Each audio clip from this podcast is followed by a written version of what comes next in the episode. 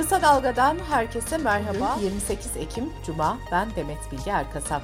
Gündemin öne çıkan gelişmelerinden derleyerek hazırladığımız Kısa Dalga bültene başlıyoruz.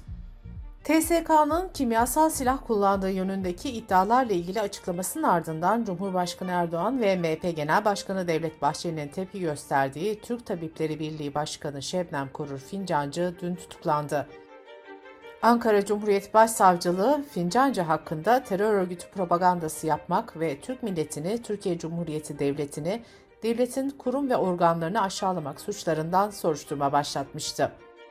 Şebnem Korur Fincancı tutuklanırken Adalet Bakanı Bekir Bozdağ'dan da Türk Tabipleri Birliği ile mimar ve mühendis odalarına ilişkin açıklama geldi. Bakan Bozdağ hem Türk Tabipleri Birliği hem mimar ve mühendisler odaları ile ilgili yeni bir hazırlık yapıyoruz dedi. BBC Türkçe'den Ayşe Sayın'ın haberine göre iktidar kulislerinde meslek odalarının seçim sisteminin değiştirilmesi ve bu kuruluşlar üzerinde denetimin artırılmasına yönelik seçenekler konuşuluyor.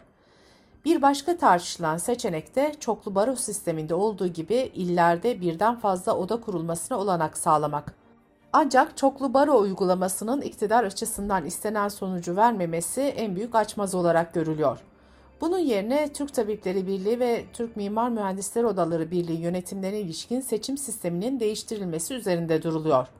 Bu arada Türk Tabipleri Birliği Genel Sekreteri Vedat Bulut ise değişiklik hazırlığı ile ilgili iktidar seçimlerle ele geçiremediği kuruluşları yukarıdan müdahalelerle denetlemeye çalışıyor dedi.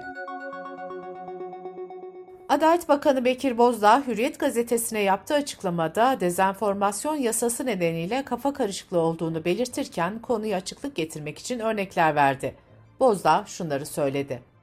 Gezi, Kobani, Hendek olayları oldu. Bireysel değil, toplumsal barışı bozmaya dönük işler yapıldığında bu düzenleme devreye girecek. Uygulamayı gördüğünüzde bu gibi konularda pek çok değerlendirmenin gerçek dışı olduğu görülecek.''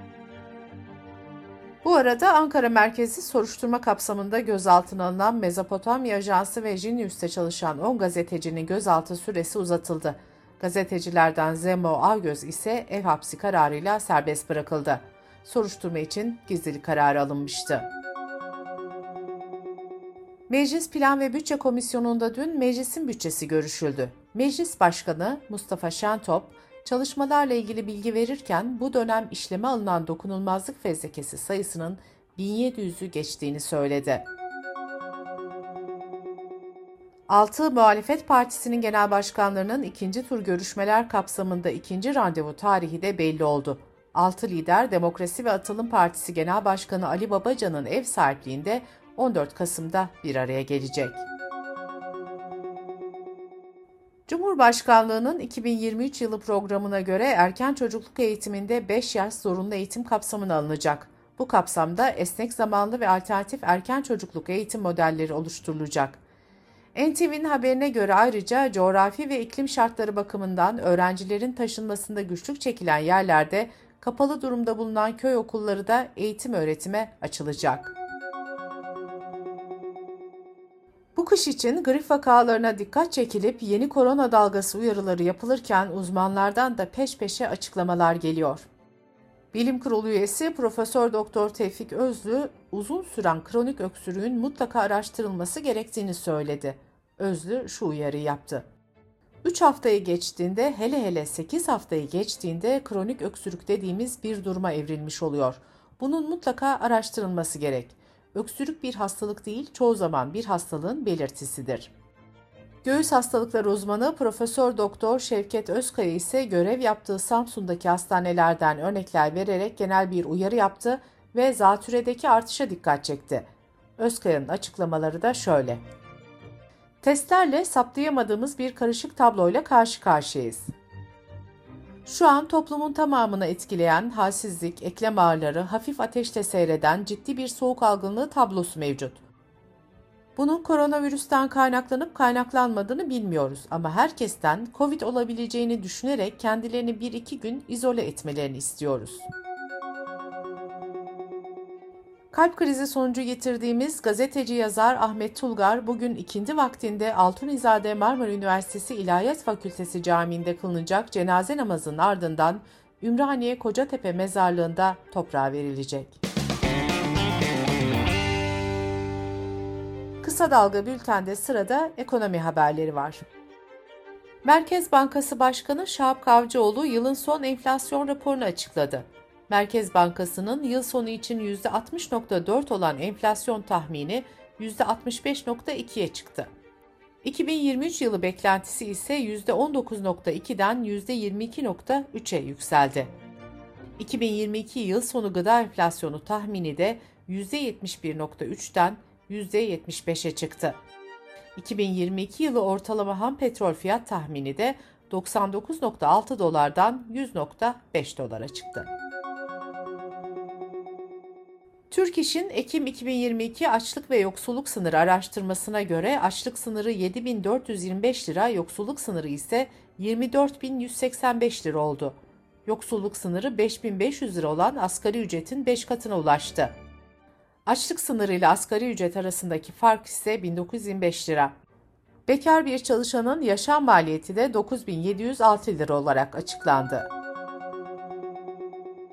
Türkiye İstatistik Kurumu dün bir dizi veri açıkladı. Ekonomik Güven Endeksi Eylül'de 94.3 iken Ekim ayında %3 oranında artarak 97.1 değerini aldı.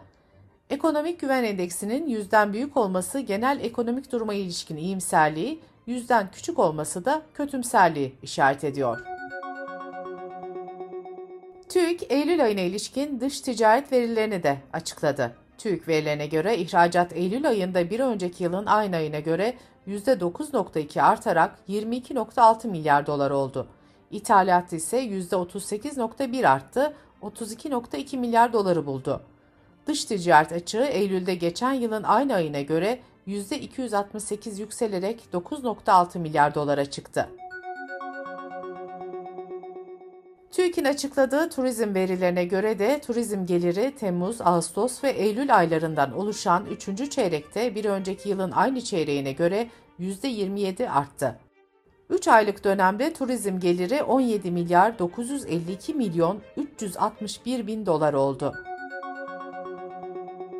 Brezilya'da yaşanan don olayı küresel kahve fiyatlarını arttırdı. Bu durum Türk kahvesine de yansıdı. Sözcü'deki habere göre 10 yılda zam üstüne zam gören Türk kahvesine geçen hafta %25'lik bir zam daha geldi. Böylece 100 gram Türk kahvesinin fiyatı 24 lirayı buldu. Türk kahvesi son bir yılda en az %118 zamlanmış oldu. Dış politika ve dünyadan gelişmelerle bültenimize devam ediyoruz. Rusya Devlet Başkanı Putin, ülkesinin önceki gün gerçekleştirdiği yıllık nükleer tatbikatı izledi.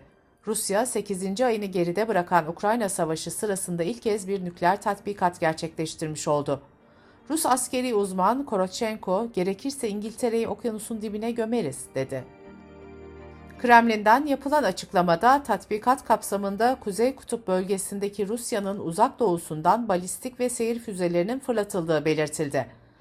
ABD ve Rusya arasında imzalanan anlaşma kapsamında Washington yönetimi de tatbikat kapsamında bilgilendirildi. Rusya bir süredir uluslararası kamuoyunda Ukrayna'nın kirli bomba kullanabileceği yönünde iddialar ortaya atıyor. Kirli bombalar geleneksel bombaların içerisine radyoaktif maddeler yerleştirilerek hazırlanan düzenekler olarak tanımlanıyor.